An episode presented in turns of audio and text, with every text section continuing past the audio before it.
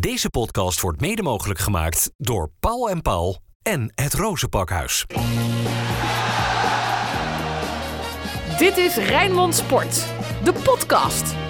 Ja, een hele goede dag. We gaan eh, iets nieuws doen, zei Jos Staatse ooit. Dat werd niet een heel erg eh, groot eh, succes met de Sport 7. Hopelijk wordt dit wat beter. We gaan zitten met Paul Verspeek, met Dennis van Eersel. Jij legt de lat meteen lekker hoog. Mijn naam is Frank Stout. Ja, we gaan gewoon eventjes praten over, eh, over Feyenoord. Het is een mooie dag. De eerste training van het nieuwe seizoen. Jij gaat er straks naartoe, Dennis. Eh, we gaan 20 minuten praten over Feyenoord. Verwacht je nog hele spectaculaire dingen? Ik verwacht niet dat er vandaag opeens eh, onverwachts een, eh, een speler op het veld stapt waarvan we het nog niet hadden gehoord. Hè? Net als met die open dag. Hè? Dan heb je altijd, eh, dat, dat is natuurlijk ook al bijna. Lopen er toch mensen rond die denken van ja, zou er dan opeens uit de helikopter iemand stappen dat we allemaal verrast zijn? Nee, ja, dat soort dingen zijn in dit tijdperk niet, eh, niet mogelijk. Jij behoeft geen introductie als eh Feyenoord-watcher. Paul Verspeek, die werkt eigenlijk nog langer bij Rijnmond als jij en ik samen ongeveer. eh. Je bent ook gewoon een heel groot Feyenoord-liefhebber. Ja, ja zeker. Al, eh, al vanaf mijn zes, dus dat is al een dikke 50 jaar. Eh begonnen met Europa Cup 1 seizoen, seizoen toen ze ja, die, die beker wonnen.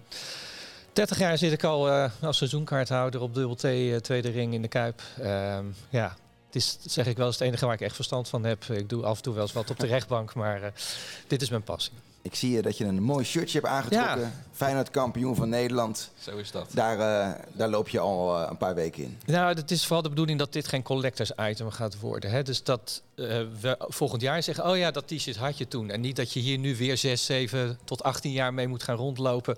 En dat je er op een gegeven moment op uitgelachen wordt. Dus ik hoop dat ik hier over een jaar met een ander t-shirt zit. Oh, dat, is, mooi. dat is denk ik de doelstelling voor Feyenoord dit seizoen.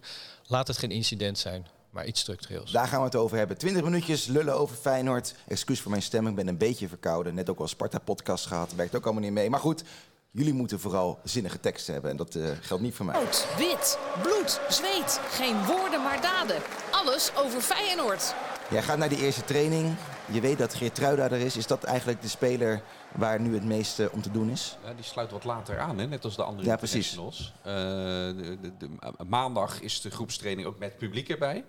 Eh, maar er zullen menig supporters al eh, richting 1908 gaan hopende. Ja, Geert Ruida, maar ook Bijlo misschien. Gaan we die gezichten überhaupt nog, eh, nog zien? Net zoals Kuxu vertrokken is. Want ja, als je hoort welke clubs zich melden en wat voor geld ermee gemoeid is. Bijlo bijvoorbeeld Man United. Geert Ruida met, met, met Leipzig dan. En partijen hebben elkaar nog niet gevonden. Maar ja, het is begin juli, weet je. Als dit nu al speelt, dit soort dingen, bij spelers die al wat langer bij Feyenoord zijn... Ja, dan is het geen gekke gedachte dat die uiteindelijk, eh, ehm, eh, dat die clubs er wel uitkomen met elkaar. Waar vrees je meer voor, Paul? Vertrek van Bijlo of vertrek van Geertruida? Ehm, vertrek van uh, Geertruida. Ik, eh, ik vind Bijlo een prima keeper. Maar ik vind dat er betere zijn in de Nederlandse competitie. Dus als ze stel... Oh hè, wie dan? Nou, ik vind eh Olij vind ik beter. eh Noppert op zijn tijden vind ik beter. En ik vind Oene Staal absoluut de beste keeper van, eh, die in de Nederlandse competitie speelt. Ehm, tuurlijk, is, het, is, het is een kind van de club. Maar ik vond hem het afgelopen seizoen, toen hij speelde... hij is natuurlijk lange tijd geblesseerd geweest... Ik vond hem niet een beslissende factor. En toen hij in het Nederlands elftal uh, keepte, dat je denkt, ja, die goals gaan erin, dat kan. Maar houdt ze ook niet tegen. Dus uh, daar zou ik minder rouwig om zijn. Gitteruida heeft echt, echt een enorme ontwikkeling gemaakt. Daar was ik heel twijfelachtig over, zeg maar, een seizoen geleden. Van ja, hij blijft een beetje onrustig. En welke positie nou? Eigenlijk toen die Trouwen moest vervangen, zag je van, hij kan het. En toen was het in één ja, crescendo naar, naar het Nederlands elftal. Ik hoop een beetje op een Kukcu-gedachte bij hem. Dat is natuurlijk echt een jongen met heel veel liefde voor de club, Gitruida. Maar dat hij denkt van, ik wil nog een seizoen echt goed maken... voordat ik op deze jonge leeftijd al, al wegga. Dus ik hoop vooral dat hij blijft.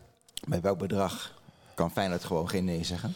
Uh, ja, als het gaat richting de bedragen wat het ook voor Kuksu uiteindelijk heeft, uh, heeft gevangen. Want die uh, was al verder in zijn, in zijn ontwikkeling, denk ik, dan Geertruida was. Dus ja, als er nu voor, uh, voor Geertruida een, een soort gelijkbod komt... dan denk ik dat Feyenoord daar uiteindelijk mee akkoord uh, gaat. Maar ze gaan ze nooit allebei verkopen, denk ik. Uh, Geertruida en Bijlo? Mhm. Mm -hmm.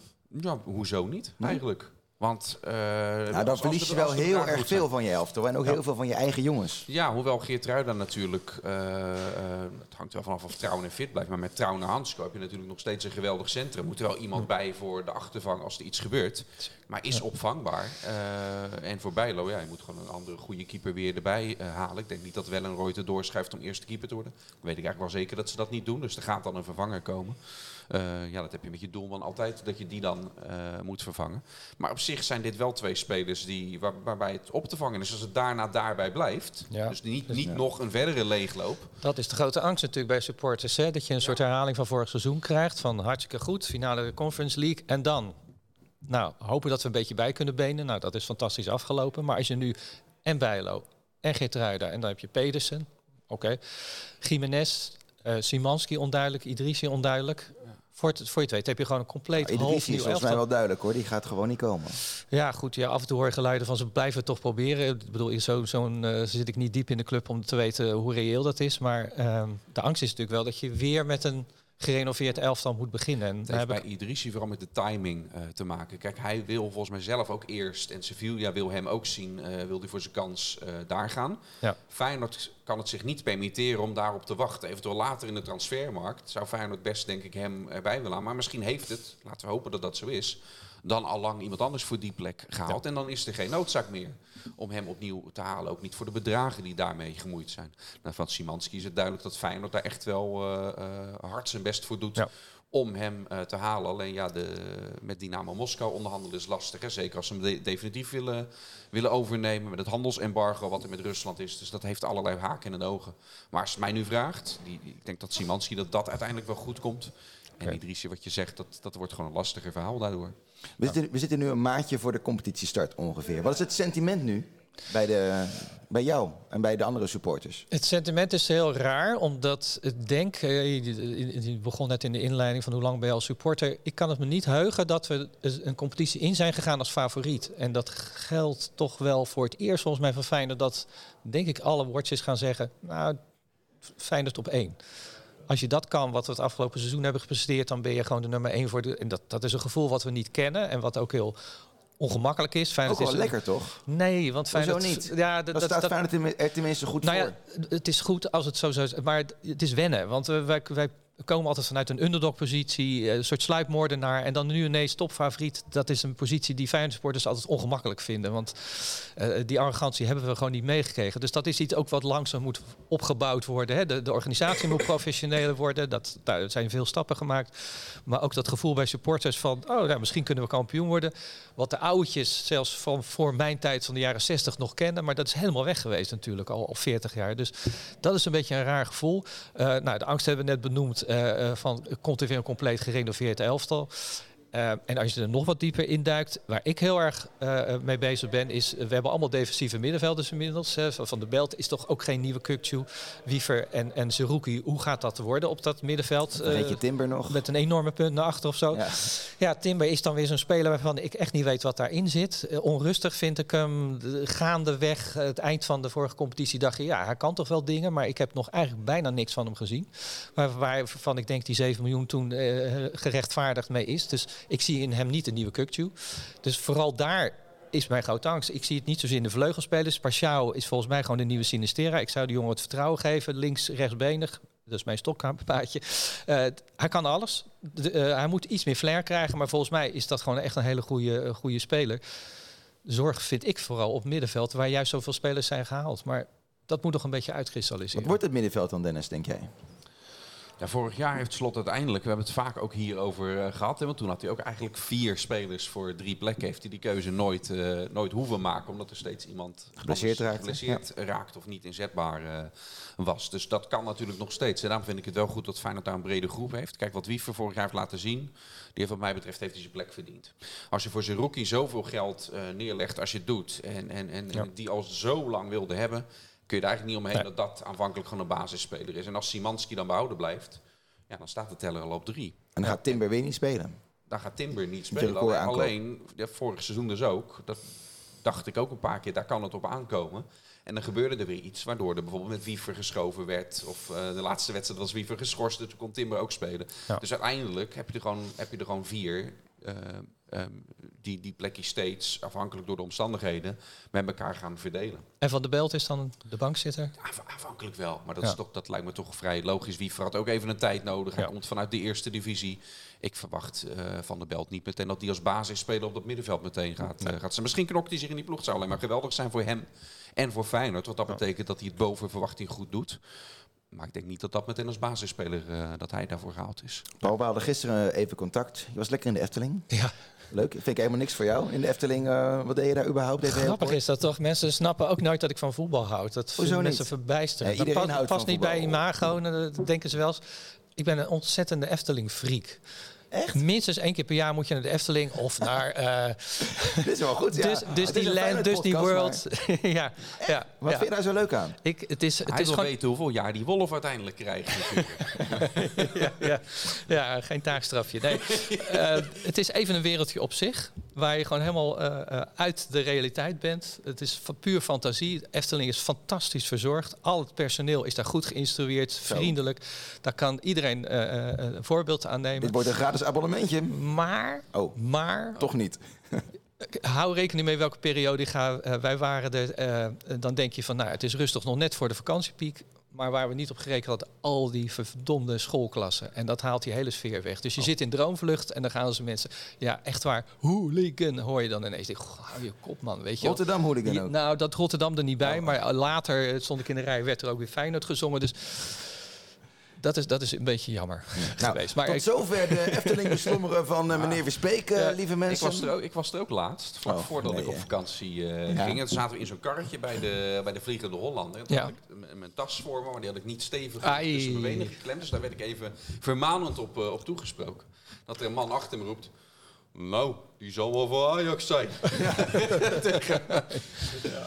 Dus even anoniem door de Efteling heen. Dat, eh, is er niet meer bij, hè? Dan moet, je dat, dan moet je gewoon in het pak van eh Jokie of eh, Jet. Moet je daar gewoon gaan lopen. Maar Paul, Nee, jij wilde die... Pardoes en Partijntje. Oh ja, ook toch? goed. Eh, jij wilde die stelling erin gooien, Paul. Komend seizoen is bepalend voor de toekomst van Feyenoord. ja, ja, Waarom?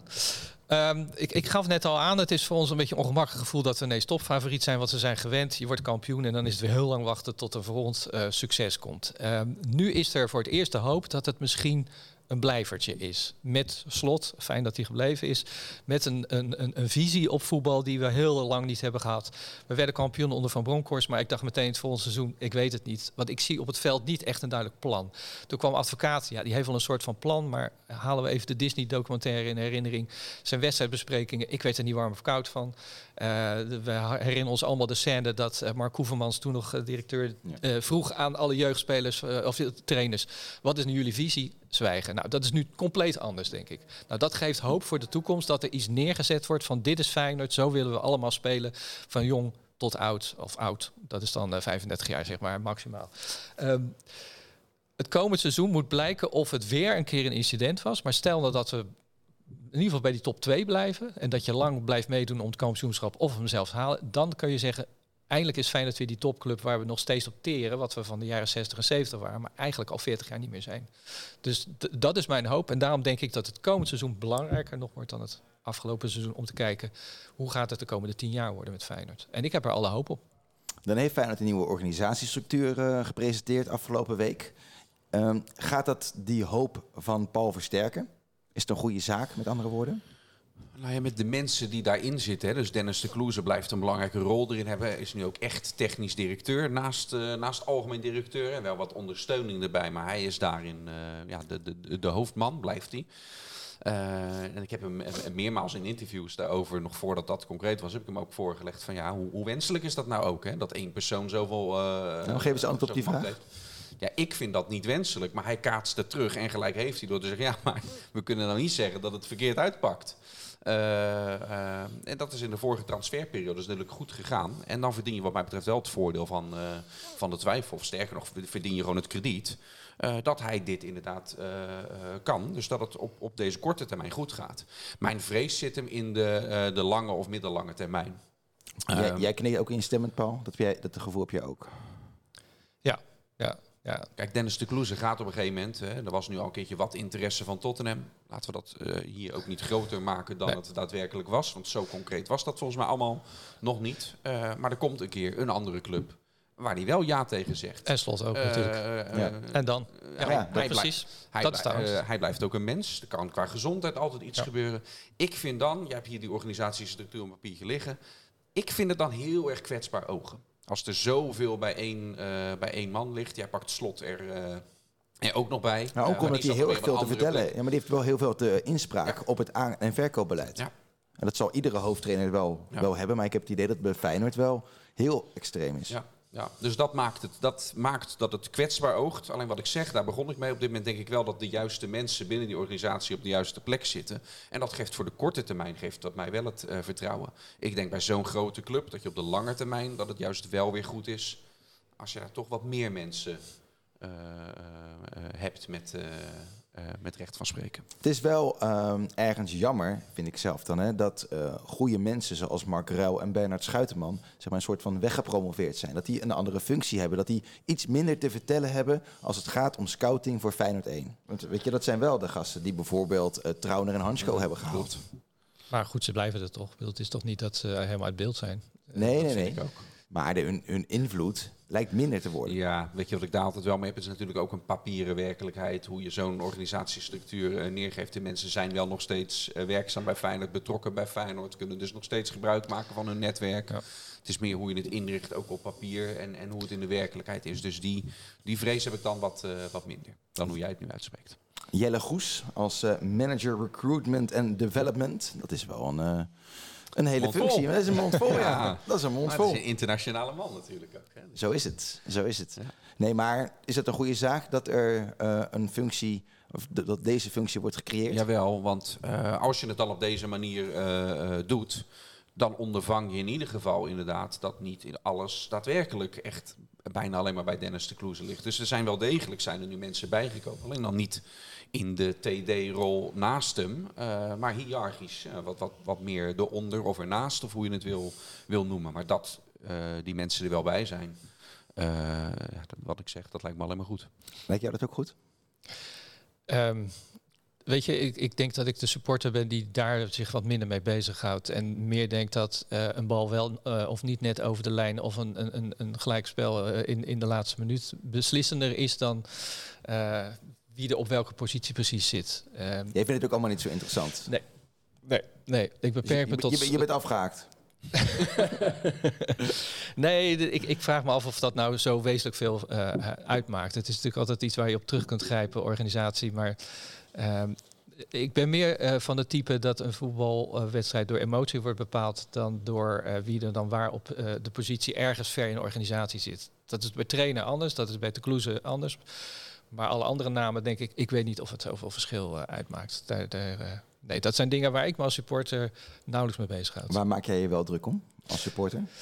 Ja, eh, de rellen. Eh, we hebben natuurlijk hekken om het veld gehad. Ik vond het een zegen. Eh, dat gaf rust. Het, ja, de netten, de hekken met, met de netten erin. Ik, ik, ik, ik snap dat het voor ESPN niet zo prettig was. want er staat er zo'n zo'n lelijke paal in beeld alsof je in de jaren 50 weer voetbalt. Maar als supporter dacht ik van fijn dat wij het al hebben. Hè, want je had aan het eind van de competitie allemaal van die incidenten her en der.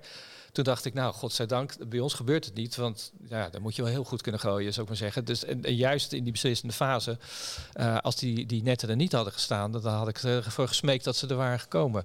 Dus dat is een angst, want je ziet eh, wel een ontwikkeling. Dan, en dan ga ik een beetje van supporter, ga ik ook naar verslaggever. Je ziet een ontwikkeling toch wel eh, dat er een verharding is bij, bij de fijne sporters. Ik heb heel lang geroepen, de hooligan bestaat niet meer. Dat is ook zo. Maar die is weer terug. Eh, of in ieder geval terug aan het komen. Jonge gasten, EJK. ehm, en, en dat heeft invloed op wat er in het stadion gebeurt. En ik zie het in de rechtszaal komen, veel meer dan, dan pakweg tien jaar geleden. Jij was ook Eh, bij, onlangs bij een rechtszaak over de RJK, toch? Ja, de, de, de, echte jongens komen nog, dat zou ik maar zeggen. Eh, volgende week staat er eentje te- terecht. die zit nog vast. Eh, dat heeft te maken met spandoeken toen in Albanië. Het heeft te maken met Schravendeel, waar oudejaarsrellen zijn geweest... die volgens de politie georchestreerd zijn door nou ja, Rotterdam Radicals... wat dan ook de overlap met de ERK zou mogen zijn. Maar in ieder geval zeg maar, eh, echt de harde van de harde kern. Ehm, dat is echt helemaal terug van weg geweest. En dat is denk ik echt wel een zorg voor de club... hoe ze dat een beetje eh, kunnen zien te managen. Eh, de relatie met de supporters is altijd ingewikkeld geweest de afgelopen decennia. Er is heel veel verdeeldheid, heel verschillende clubjes. Eh, je hebt een fusie gehad hè, tussen de officiële supportersvereniging en dan de Feyenoorder, waarbij de Feyenoorders toch wel een soort koep lijkt te hebben gepleegd. Nou, daar zitten ook wel wat ruige types tussen. Dat heeft ook de sfeer bepaald. Dat zijn de jongens van de spandoeken, maar tegelijkertijd ook van de rotzooi, zeg ik dan altijd maar. Om het even heel simpel te stellen. En dat is echt een zorg die eh, ik en een medesupporter heeft Uh, laten we dit bestendigen. Daar hebben we het net over gehad. Organisatorisch lijkt het oké. Goed dat slot is gebleven. Uh, er staat iets echt nu. Wat een blijvertje zou kunnen zijn. Maar in godsnaam laten we hopen dat het met die supporters niet steeds uh, erger wordt. Maar is dat erger geworden? Ja, Want, ja. Jawel? Ja, vind ik wel. Want ik ja. vind juist, als je naar het buitenland met, met Feyenoord meegaat... en ik ga altijd mee met jou, Dennis... dan zijn er niet heel veel uh, incidenten. Natuurlijk die spandoeken bij Tirana, was volgens mij de ochtend daarna, was natuurlijk echt Ja. fout. Uh, in Berlijn is toen uh, is wat op de Berlijnse muur gekalkt, maar dat waren twee van de 7000. Mhm. Nee, maar dat is altijd zo. Ik Dus- bedoel, het, het is, het, Maar in, maar in hoeverre merk je dan dat het erger, dat het erger wordt? dat, dat eh, de mate van geweld is anders, is georganiseerder. En dat is weg geweest. Uh, dat was altijd meer incidenteel. En nu zie je dat er een bepaalde, uh, ja, ik wil niet zeggen echt hechte organisaties ontstaan, maar wel, het lijkt erop alsof wat we in de jaren 70 en 80 als hooliganisme hebben gehad, dat type geweld, wat dus niet een soort gelegenheid is, maar meer georganiseerd, dat dat uh, wel eens terugkomt. Maar jij zei net ook van ook in het stadion. Dat, dat ervaar ik helemaal niet zo in de Kuip. Soms in de beeldvorming wel naar vorig Mhm. jaar. En er zijn wat incidenten geweest. Maar ik heb juist het gevoel dat bij nou ja, 17 van de, Ja, of tuurlijk. 16 van Nee, de maar- 17 competitieduels... Soms was het juist eh, eerder, een beetje, eerder een beetje rustig. Had ik bij sommige competitieduels het, het gevoel dan... Het beeld wat nu geschetst wordt, dat het week in, week uit zo... nee, oh nee, dat, dat, dat, nee, terecht dat je dat zegt. Dat wil ik helemaal niet suggereren hoor. Eh, eh, de, de incidenten bleven inderdaad wel incidenten. Dus waar ik net over had, Schravendeel, dat is natuurlijk buiten het, eh, het stadion. Ja. Maar dat was er niet meer. En, en eh, dat zijn wel Feyenoorders. Dat is dus de zorg, eh, t- eh, terechte nuancering zit misschien meer buiten de Kuip dan in de Ja. Kuip. Maar ja, ik vind het wel een, een lastige. Feyenoord zelf worstelt daar natuurlijk ook wel eens. Ja. Neem bijvoorbeeld de RJK. Het woord Feyenoord zit er niet eens Nee. in. nee, Maar het gebeurt wel op een of andere uitnaam van Feyenoord. Of Feyenoord moet zich er tegen uitspreken. Misschien ook wel niet. Want de, het woord Feyenoord zit er, niet eens, zit er niet eens in. Die gasten hebben eigenlijk helemaal niks met Feyenoord wat dat betreft te maken. Nee, uit naam van Feyenoord. natuurlijk. Maar, Maar het, maar het is buiten het stadion. En, en eigenlijk hebben ze er helemaal niks, niks mee te maken. Ah, maar goed, als je er als eh, club wel last eh, van hebt, dan zul je wel moeten. Maar hoe, dat weet ik ook niet. Dat is natuurlijk heel moeilijk als club zijn om daar wat tegen te ondernemen. Maar ehm, nou ja, laten we hopen dat het zo blijft. Eh, niet, niet nog erger wordt, maar het, het is iets wat mij wel zorgen baart, eerlijk gezegd. En hoe zorg je ervoor uiteindelijk, want we zitten alweer aan het eind van deze podcast. Wel, ik denk dat we het wel vaker gaan doen, want ik vind het reuze interessant en vermakelijk ook nog eens. Ehm, hoe zorg je er nou voor dat het ook Europees ook weer goed gaat? Hè? Eh, dat er niet na iedere wedstrijd weer straffen gaan komen. Hebben jullie daar een idee over? Hoe kan je dat eh, gaan voorkomen? Eh, rellen voorkom je nooit, nergens. Eh, niet in de Franse banlieue, niet in de Kuip, niet erbuiten de Kuip. Eh, het- over het algemeen heeft Feyenoord het best wel redelijk op orde, maar je kan een massa niet sturen. Eh, ik, ik heb geen panklare oplossing. eh, Helpt het als je eh, klassieke muziek gaat draaien in plaats van eh, Panic? Nee, Nee, toch? nee, dat maakt helemaal niks uit. Dat- Dat zou eerder juist misschien het tegenovergestelde effect Dat kunnen is hebben. volgens mij ook wel de weg die Dennis de Kloeze nu aan het bewandelen is in de dialoog met, met sommige van die supportersgroepen die ook dat vuurwerk in het stadion regelen. Nu heb je een paar keer gehad om en om dat je vakken in- bij thuiswedstrijden Europees moest leeghouden. Begin, begin met die thuiswedstrijden om te zorgen dat dat in ieder geval niet meer het, eh, niet meer het geval is. En ja, zijn weg is de weg van de dialoog. Ik geloof daar uiteindelijk ook wel in dat dat de enige manier is om, om ergens toe te komen. Alleen met wie? En dat is het grote eh, vraagstuk. Met wie ga je praten? Eh, en zijn er dan weer niet groepjes die zeggen je praat wel met hem, maar niet met Ja. ons? Dat, die, die, dat is ook een taak van de supporters, denk ik. Eh, die, dat die, die onderlinge verdeeldheid is, is toch vaak te groot geweest. Dat, nou ja, het is een beetje weggeëpt, maar dat hebben we natuurlijk bij die Fijne Cities discussie heel erg gezien. Hoe supporters lijnrecht tegenover elkaar kwamen te staan, echt of met felle bewoordingen. Gelukkig is dat even weg. Nou ja, we moeten de toekomst van de Kuip discussie is weg, Die- maar de groeperingen die tegenover elkaar staan. ja, goed, maar ze hebben wat minder eh, olie om op het vuur te gooien, zou ik maar zeggen. Ehm, maar dat, dat is de grote uitdaging. Kan je duidelijk maken als club met wie je wel en met wie je niet praat? Of dat het supporters echt namens allemaal, in plaats van dat ze tegenover elkaar staan. Want zo heb ik het wel eens ervaren. Ook, nou ja, ik zit op Twitter en als je mij eh, iets zegt wat bepaalde mensen niet bevalt, die ook van fijn dan rot jij eens op uit het stadion. Ja. Of, of ik zelfs tot aan bedreigingen toe. Je moet maar eens oppassen bij de komende thuiswedstrijd. En dat zijn dan fijner, dus onderling. Dat zijn dingen die ik meemaak. En dan denk ik, dat is natuurlijk heel erg ongezond. is wel dat je er vanaf nu nog maar 600 van per dag te zien krijgt. Hey, mannen, ik wil graag positief, eh, positief eindigen. Ehm, jij gaat naar de eerste training en ook naar een persconferentie met, met Arne Slot. Ja. Waar verheug jij je met name het meest op, Paul? Jij als supporter dit seizoen? Op een, uh, in ieder geval een bestendiging van het vorige seizoen uh, uh, met hetzelfde soort voetbal. want ik denk dat dat wel ons harten heeft gestolen. Dus, dus... En is dat realistisch, Dennis? Ja, en bij mij begon dat meteen te borrelen na die wedstrijd tegen, tegen Vitesse. En de dingen die Slot toen zei op die persco, ik vond dat weer zo slim en doordacht. Mm -hmm. ja, eigenlijk begint nu meteen de voorbereiding ja. op de eerste wedstrijd van het volgend seizoen. Die man, ik, vond het weer, ik vond het weer zo Die man is psychologisch slim. geniaal. Ja. Dat is echt, uh, ook nou ja, de beelden vanuit de kleedkamer naar Ajax, weet je wel, ook gelijk ook weer realistisch feliciteren en weer door. En dat is wat Feyenoord op de been heeft gehouden. En daarom, ja, in Slot we trust. Ik bedoel, dat, dat, nee, maar daar, hij is daar echt geniaal in, vind ik. Ik, ik, ik ken geen gelijken wat dat betreft, hoe die inderdaad precies op de juiste momenten de juiste dingen weet te zeggen. Dat is nou. echt een gaaf. Dennis richting Feyenoord, jij richting de rechtbank voor een ja. gezellige moordzaak. Ja, verschil moet er zijn. Het is niet anders. Het is niet anders. Ik vraag op uh, de mensen om vooral te reageren, ook in de comments. Dat is heel belangrijk hè, op YouTube, uh, algoritme te maken. Houd een beetje normaal, alsjeblieft. Ja, uh, inderdaad. Ja, zeker. zeker.